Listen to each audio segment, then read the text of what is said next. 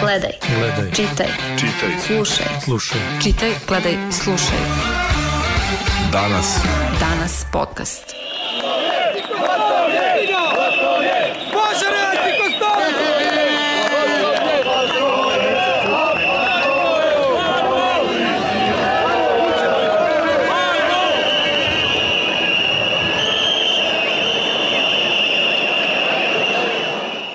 Danas. Podcast.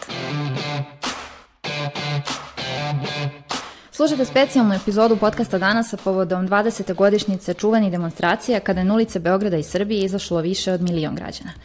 Ovo je bila prilika da pozovemo i specijalnu gošću Izabelu Kisić, tada mladu novinarku i reporterku Danasa, ali i redovnu gošću podcasta, našu novinarku Safetu Biševac, koja je 5. oktobra 2000. godine bila glavna urednica političke rubrike Danasa. Da, bila sam urednica, tad smo mi imali unutrašnju rubriku, znači bili smo objedinjeni politička rubrika i društvo, ja sam bila urednica unutrašnje rubrike, a Izabela je bila jedna od nekoliko novinara koji su bili faktički stalno, celodnevno na terenu i pratili proteste. Dakle, vi ste bili urednica Izabeli tada. Da, ja sam bila šefica, a Izabela je bila poslušna i veoma dobra i vredna radnica. Hvala najlepše obema što ste došle. Kako biste opisale i objasnile moje generacije koja se ne seća toliko tih događaja, pa i mlađima od mene koji se ne sećaju uopšte, e, zbog čega je 5. oktobar e, toliko važan za našu istoriju i na koji način je promenio društvo, državu, politiku, kako vi to vidite?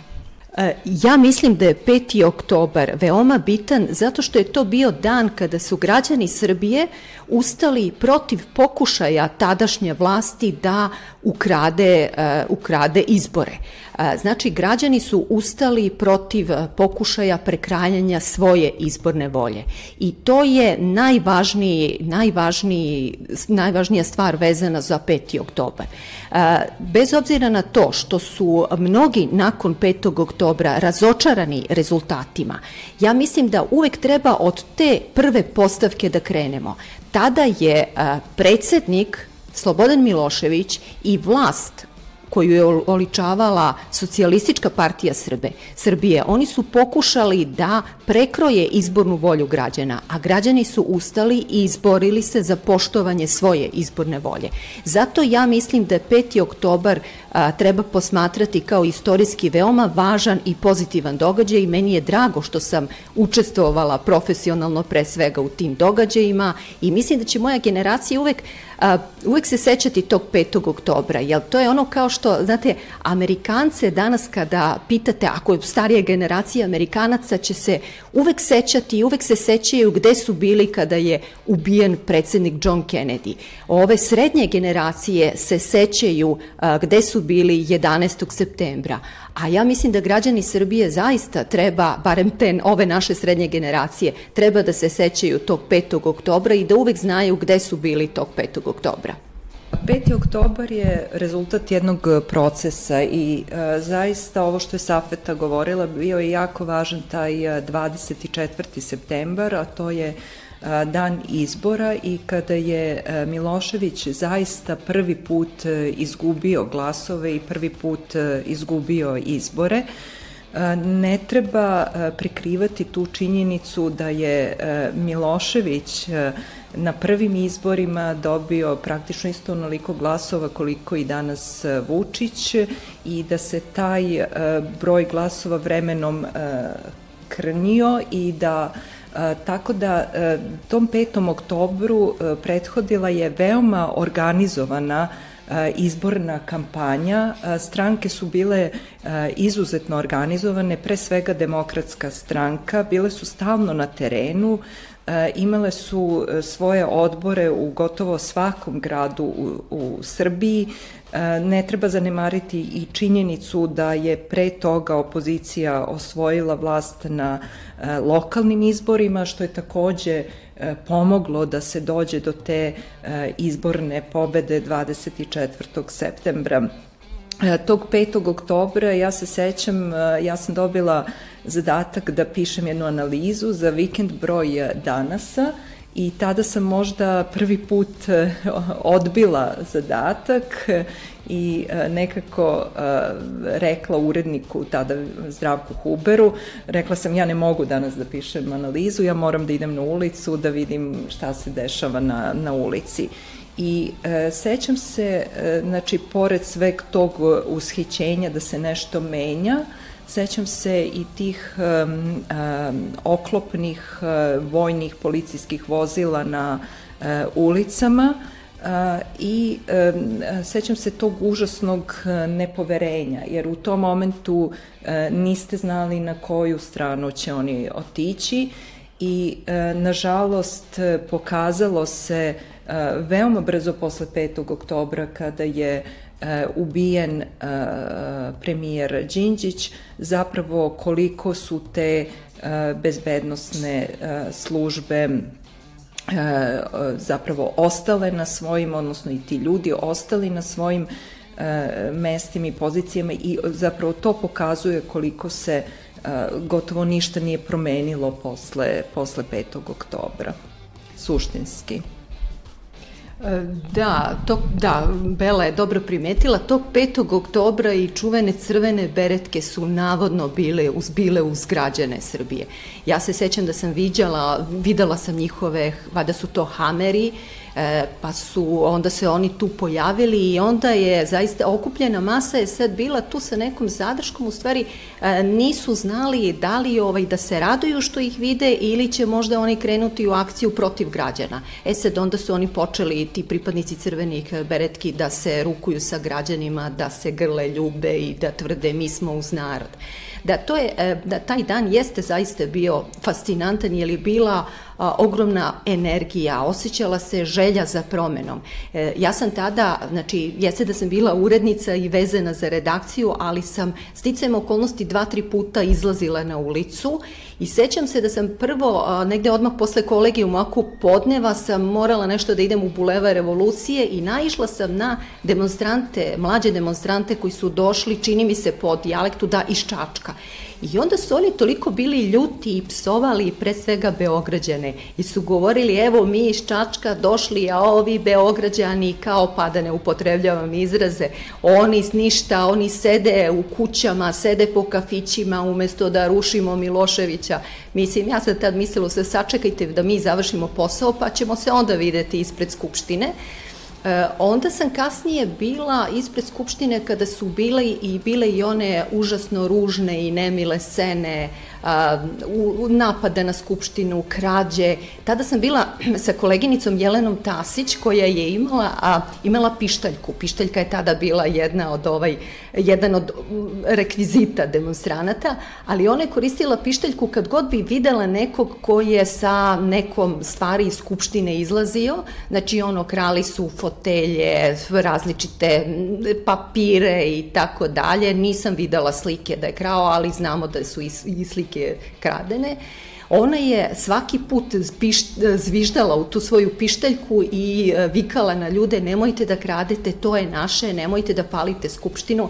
Naravno, mislim, nažalost bio je i taj, bile, bio je i taj ružni deo koji se zasnivao na tom, znači paljenju skupštine, napadu i tim nemilim scenama, A onda smo na kraju samog dana, pri kraju ili na kraju, a, ja i Izabela i još nekoliko koleginica koje su celodnevno izveštavale sa ulica, našle se prvo ispred Savezne skupštine, a onda smo išli, u, ušle i u gradsku skupštinu i tada je gradska skupština u stvari bila mesto gde su se okup, okupljali čelnici DOS-a Sećam se Zoran Đinđić pokojni, bili smo tu kada je on ušao, dolazili su kasnije ostali lideri DOS-a, pa i neki ambasadori su bili i onda smo se, bilo je dosta novinara, mi smo tu naravno družili, pričali, i ovaj, mozgali šta sad može da se desi, a onda je, znam, neko je u jednom trenutku rekao, pa ljudi nije normalno što smo mi svi ovde, sad Milošević dovoljno je da pošalje neki avion da baci bombu na gradsku skupštinu i eto, ode i opozicija i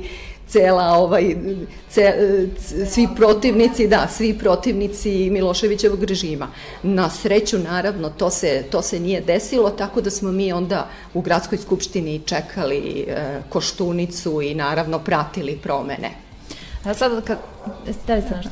Pa, htela sam kažem da je to vreme uoči 5. oktobra tih poslednjih e, godinu dana, e, dve, bilo i vreme e, kada su se dešavale zapravo, kada se dešavala užasna represija i u samoj Srbiji, kada smo imali rat na, na Kosovu, odnosno kada, da, ja sam pratila recimo suđenja, montirana suđenja Albancima, sa Kosova i to su praktično jako veliki broj Albanaca po Beogradu i po Srbiji je bio hapšen bez ikakvog osnova zatvaran, bio izložen užasnoj torturi i tako dalje. Zatim to je vreme represije nad medijima, to je vreme onog čuvenog sad ga svi zovu Vučićev zakon o informisanju, pošto on bio ministar informisanja i on je bio tada uh, glavni, uh, glavni cenzor. Međutim, evo dok listamo ove novine uh, od 6. 7. oktobra, svakako da, danas je tada pisao i o tada još uvek se vodilo kao nestanak Ivana Stambolića, tako da mene 5. oktobar podsjeća i na ta ubistva koja su se desila. Uh, Ivan Stambolić je uh, bio jedan čovek, zaista čovek diskontinuiteta sa Miloševićevom politikom. Zatim, tada je u to vreme, u oči 5. oktobra, ja mislim da je bilo dva, tri dana pred 5. oktobar, ubijen je sudija Nebojša da, Simeunović, koji je odbio da uhapsi radnike Kolubare koji su tamo štrajkovali a, također zbog izborne, izborne krađe, štrajkovalo je između 2 i 3 hiljade rudara i a, taj čovek je nekoliko dana posle toga pronađen mrtav, njegovo telo je pronađeno u Dunavu i do dan danas a, mi ne znamo počinioce tog ubistva i jedini još glas koji neko ko govori o tom ubistvu koga pominje jeste njegova sestra. Tako da su da je užasno da su se te stvari zaboravile, tako da se ja znači 5. oktobar je simbol i tih tih dešavanja. E, dotakli ste se e, toga kako izgledalo ispred Skupštine, e, kako izgledalo vaše prisustvo na izveštavanje sa demonstracija. Sada me zanima ako biste mogli da opišete, to jest da uporedite energiju, volju građana, protestanata tad u odnosu na ove proteste koje smo imali recimo pre godinu dana i prethodnih godina. Pa mislim da se te dve stvari zaista nikako ne mogu porediti, ali e, ni Srbija danas e, nije ista kao i Srbija te 2000. godine. Svet se menja, Srbija se menja, protesti se menjaju. A, tada je, e, te 2000. E, je postojala ta energija i nada u nekakvo bolje sutra ali e, ono što kod nas uvek ljudi zaboravljaju tada je jednostavno, što je pomenula Izabela, 5. oktobru je, su prethodili izbori, savezni izbori za predsednika i sa, izbori za tadašnji parlament, to je Skupštinu Savezne Republike Jugoslavije. Opozicija je pobedila na tim izborima, ali a, a, opozicijona pobeda, pogotovo a, na parlamentarnim, na saveznim a, e, izborima, e, nije bila toliko briljantna. SPS je mogao sledeću saveznu vlast da formira sa SNP-om iz Crne Gore, i bez problema bi imali skupštinsku većinu. Ali a, Crnogorci su odlučili da promene ćurak i da formiraju sledeću a, vladu sa, a, sa DOS-om ali e, meni se čini da jednostavno građanima Srbije e, nekako bilo je e, Miloševića već preko glave. Mi smo imali prethodno godine i godine ratova, zločina, kriminalizacije države, korupcije. Ljudi danas ne mogu ni da, verovatno ni da zamisle, ali mi smo tada, recimo, Beograd je bio, Beograd je imao problema sa, i sa snabdevanjem i grejanjem i strujom. Naši stanovi na Novom Beogradu su bili potpuno hladni zato što nije bilo mazuta, nije bilo, mi nismo imali struje, imali smo stalno one restrikcije po 8 sati, po 6 sati, svakodnevne, znači. I a, svega toga je ljudima bilo već ono preko glave, a naravno a, ne treba zaboraviti ni bombardovanje, a, jel, a, bombardovanje koje je građanima pokazalo da a, ne mogu više da je ceo svet protiv Slobodana Miloševića i da je Miloševiću odzvonilo. I, kažem, zato su a, građanima je bilo a, preko glave Slobodana Miloševića, njegove politike i onda su imali neku nadu da će Koštunica i DOS nešto uraditi. Ja bih samo uh, ovde rekla da zapravo uh, ipak je važno to zašto nije, mislim, zašto mi danas zapravo uh, nemamo uh, neku suštinsku promenu u odnosu na politiku koja je vođena 90-ih jeste da većina onih koji su glasali tada protiv Miloševića i većina, veći deo opozicije zapravo nije kritikovao Miloševića zato što je poveo ratove, nego zato što je te ratove izgubio i zato je pre svega Vojislav Koštunica kao jedan od e, najtvrdokornijih nacionalista i e, vrlo otvorenih nacionalista imao tako jaku poziciju e, posle 5. 5. oktobra. Tako da je u tome leži najveći problem zašto nije došlo do diskontinuiteta sa Miloševićevom politikom i zašto mi još uvek imamo otvorena ista pitanja, regionalna pitanja koje smo imali 90-ih i zašto još danas nemamo rešenje kosovskog pitanja i tako dalje. I taj odnos prema zločinu zapravo koji su počinjeni u vreme Miloševića, to se nije, nije promenilo.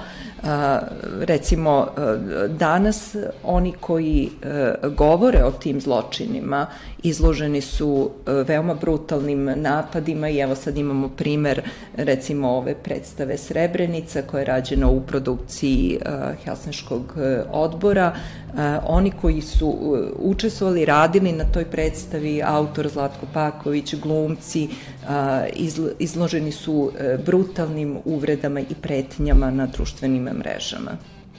Malo pre ste pomenuli da ne može da se poredi, e, da ne mogu da se porede demonstracije tad sa ovim protestima koje smo imali tokom prethodnih godina. E, zanima me da li mislite da je preterivanje poređenje ovog perioda sa periodom pre 5. E, oktobra u smislu odnosa snaga na političkoj sceni, slobode medija i tako dalje? Pa ima tu sličnosti, naravno razlike su istovremeno brojne. E, mi, e, Slobodan Milošević je, e, kao i Aleksandar Vučić, e, bio autokratski vladar. On je sve u ovoj zemlji kontrolisao. E, njegova socijalistička partija Srbije je dobijala sve izbore, izuzev onih lokalnih 96. godine. A, I a, e, on se naravno obračunavao sa svojim a, političkim protivima protivnicima i nevladinim sektorom, nezavisnim medijima. Nažalost, u tim političkim obračunima, to je ono što Izabela pomenula, letele su glave. E, naš kolega e, Slavko Ćuruvija je ubijen, e, Izabela je pomenula pokojnog Stambolića, sudiju Simeunovića.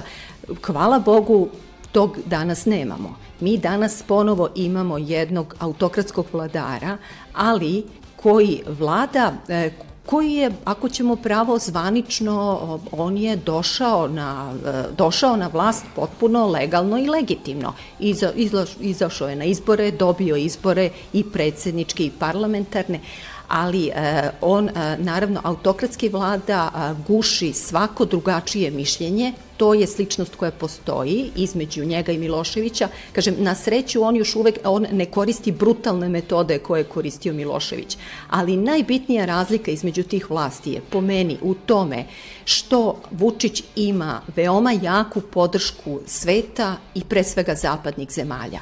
To je ono što Milošević nije imao. Slušaj. Danas podcast. Ja vas preklinjem u ime časti srpskog naroda da se prizna pobeda ovog naroda, da se prekinu ovi neredi, da nikad niko više ne pogine, da nikad Srbina Srbina ne udari i da živimo kao sav normalan svet. Preklinjem vas svojom čašću i svojim poštenjem. Želim da kažem da televizija trenutno nije u stanju da dalje emituje program. Narod je došao u svoju televiziju. Danas. Podcast.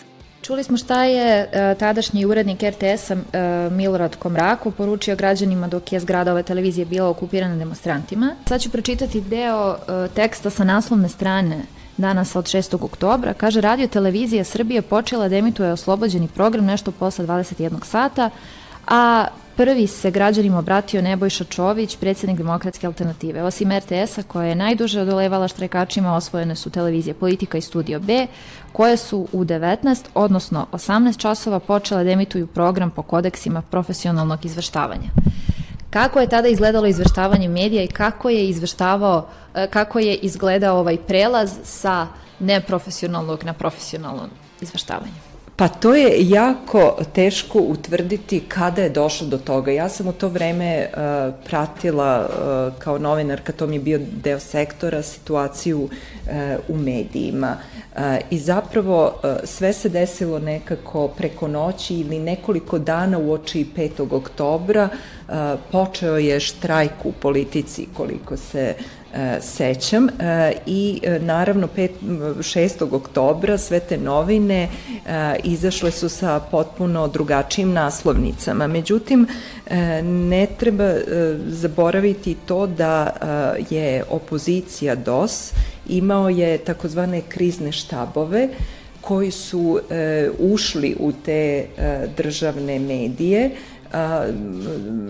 dovedeno je i znači, u dogovoru sa tim kriznim štabovima napravljene su zapravo novine nakon, nakon 5. oktobra i u tim kriznim štabovima je bio Goran Vesić koji je danas na jel, poziciji veoma uticajna ličnost u Srpskoj naprednoj stranci i e, zapravo nekako sad sa ove distance verovatno su e, samo takvi ljudi kao što je Vesić bili spremni da tako nešto e, i učine i da zapravo upadnu u te, e, u te medije i da e, promene e, rukovodstva preko, preko noći. Ako govorimo o izveštavanju medija 5. oktobra, 6. 7. i tako dalje, pa ja mislim da se u stvari kod nas se desilo jednostavno to do, do onog profesionalnog preletanja. Znači, novinari i mediji koji su, koji su hvalili SPS i koji su pisali hvalospeve Miloševiću, oni su lepo preko noći samo promenili ćurak i počeli takve tekstove da pišu o Dosu i o Vojslavu Koštunici a istinski nezavisni mediji u koje spada i danas, mi smo a, vrlo brzo, znači jesmo mi, a, mislim, realno mi jesmo i svojom uređivačkom politikom i sve to, mi jesmo podržali a, političke promene i DOS, ali smo mi vrlo brzo počeli da kritikujemo DOS zbog nekih pogrešnih poteza.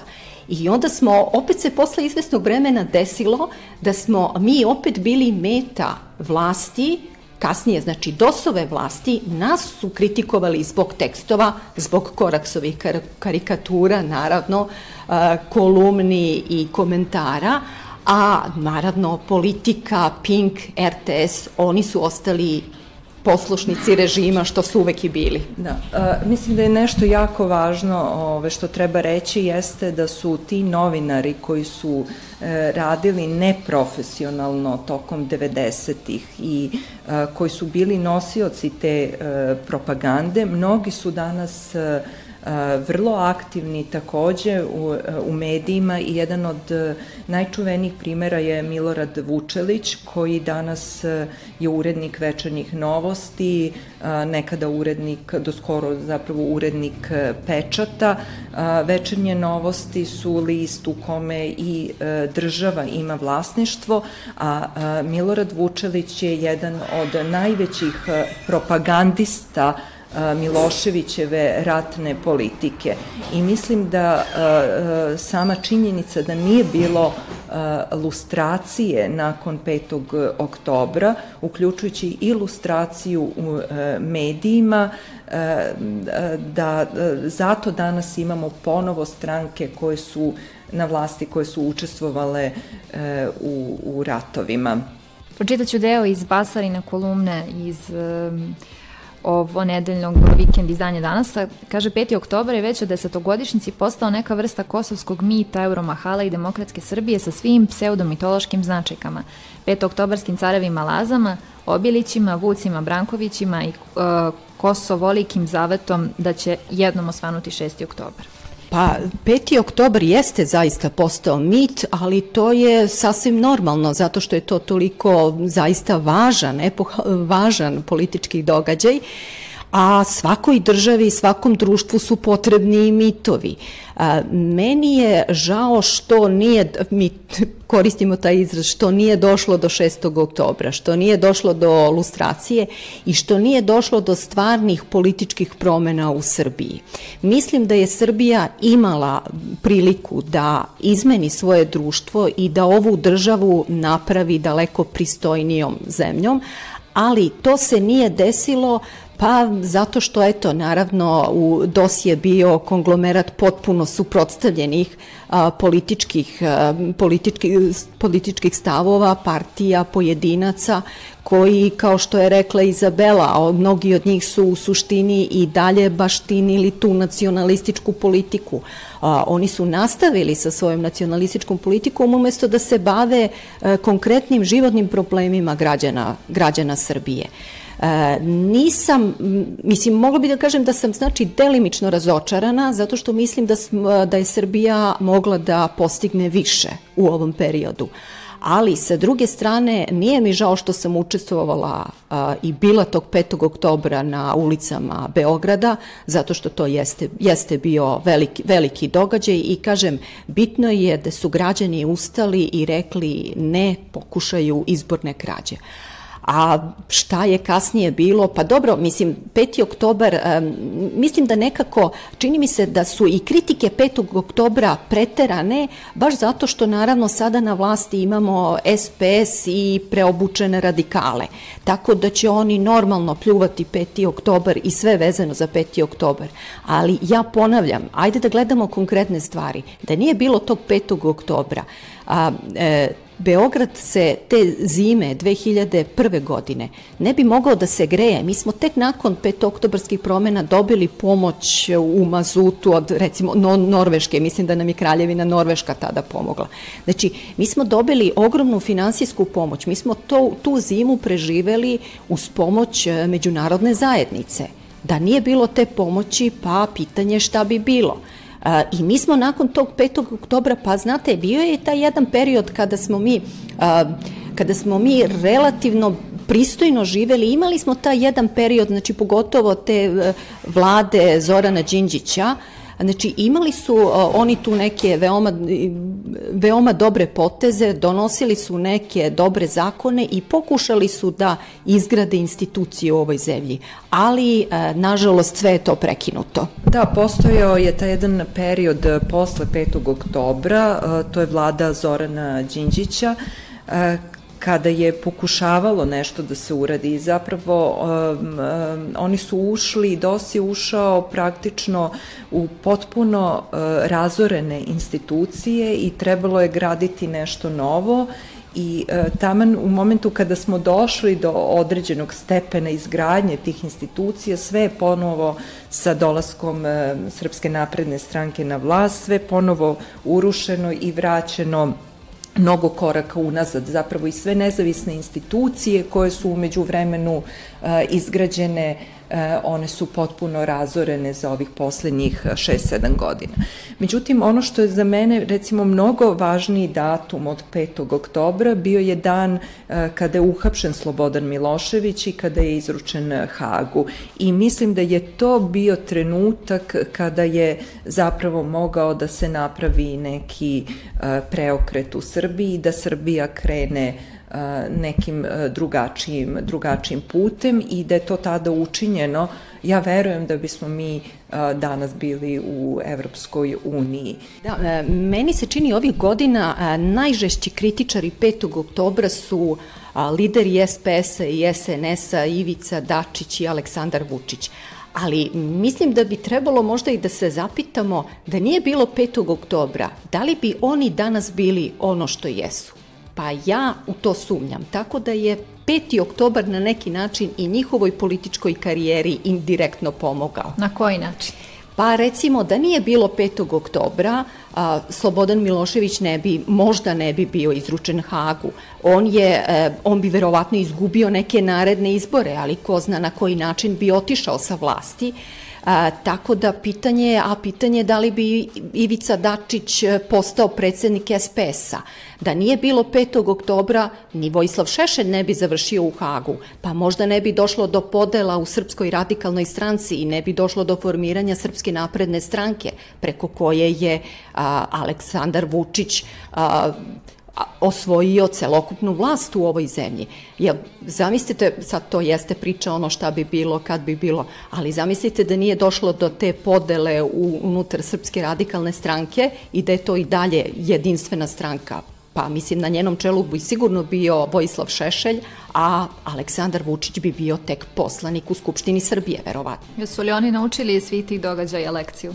Pa ja mislim da jesu naučili i a, zato Aleksandar Vučić ovako čvrsto vlada Srbijom. Ovih dana e, čitala sam razne intervjue sa pokojnim premijerom Zoranom Đinđićem i e, negde e, često se naglašava to da on verovao da je proces promena nezaustavljiv. Jeste li vi tada verovale u to? Da, ja sam verovala, verovala sam u promene, verovala sam u to da Srbija može a, mnogo brže od nekih drugih zemalja da uhvati priključak sa Evropskom unijom, ali a, nažalost, nažalost to se nije desilo. Mislim da smo svi nekako tad bili e, opijeni to mogućnošću promene, međutim da a, ako bismo pažljivo analizirali e, ko je sve činio taj DOS i um, koje su njihove politike bile, um, videli bismo da, um, ne, da se ne mogu očekivati neke uh, suštinske promene. Uh, zato što uh, taj pre, pre svega odnos prema uh, srpskom pitanju, prema ratovima, mislim da je to nešto što je zakočilo, zakočilo promene. Hvala najlepša obema što ste govorila za podcast danas, a bilo mi je jako zanimljivo da uslušam. Danas podcast. Upravo sam dobio službenu informaciju da je Vojislav Koštunica pobedio na predsjedničkim izborima. Tu odluku je doneo organ koji po ustavu na nju ima pravo i smatram da ona mora da se poštuje. Želim da zahvalim svima koji su mi ukazali poverenje i na ovim izborima za mene glasali, ali da se zahvalim i svima koji za mene nisu glasali, jer su mi sa duše skinuli jedan veliki teret odgovornosti koju nosim već punih deset godina. Što se tiče moje partije, ona će biti veoma snažna opozicija a uvek sam govorio da partija ne može nikad da pokaže svu svoju snagu i svoje kvalitete ako jedno vreme ne bude opozicija, jer joj vreme provedeno u opoziciji omogućava da se rastereti onih koji su iz koristoljublja u nju ušli dok je vladajuća partija. Gledaj. Gledaj. Čitaj. Čitaj. Slušaj. Slušaj. Čitaj, gledaj, slušaj. Danas. Danas podcast.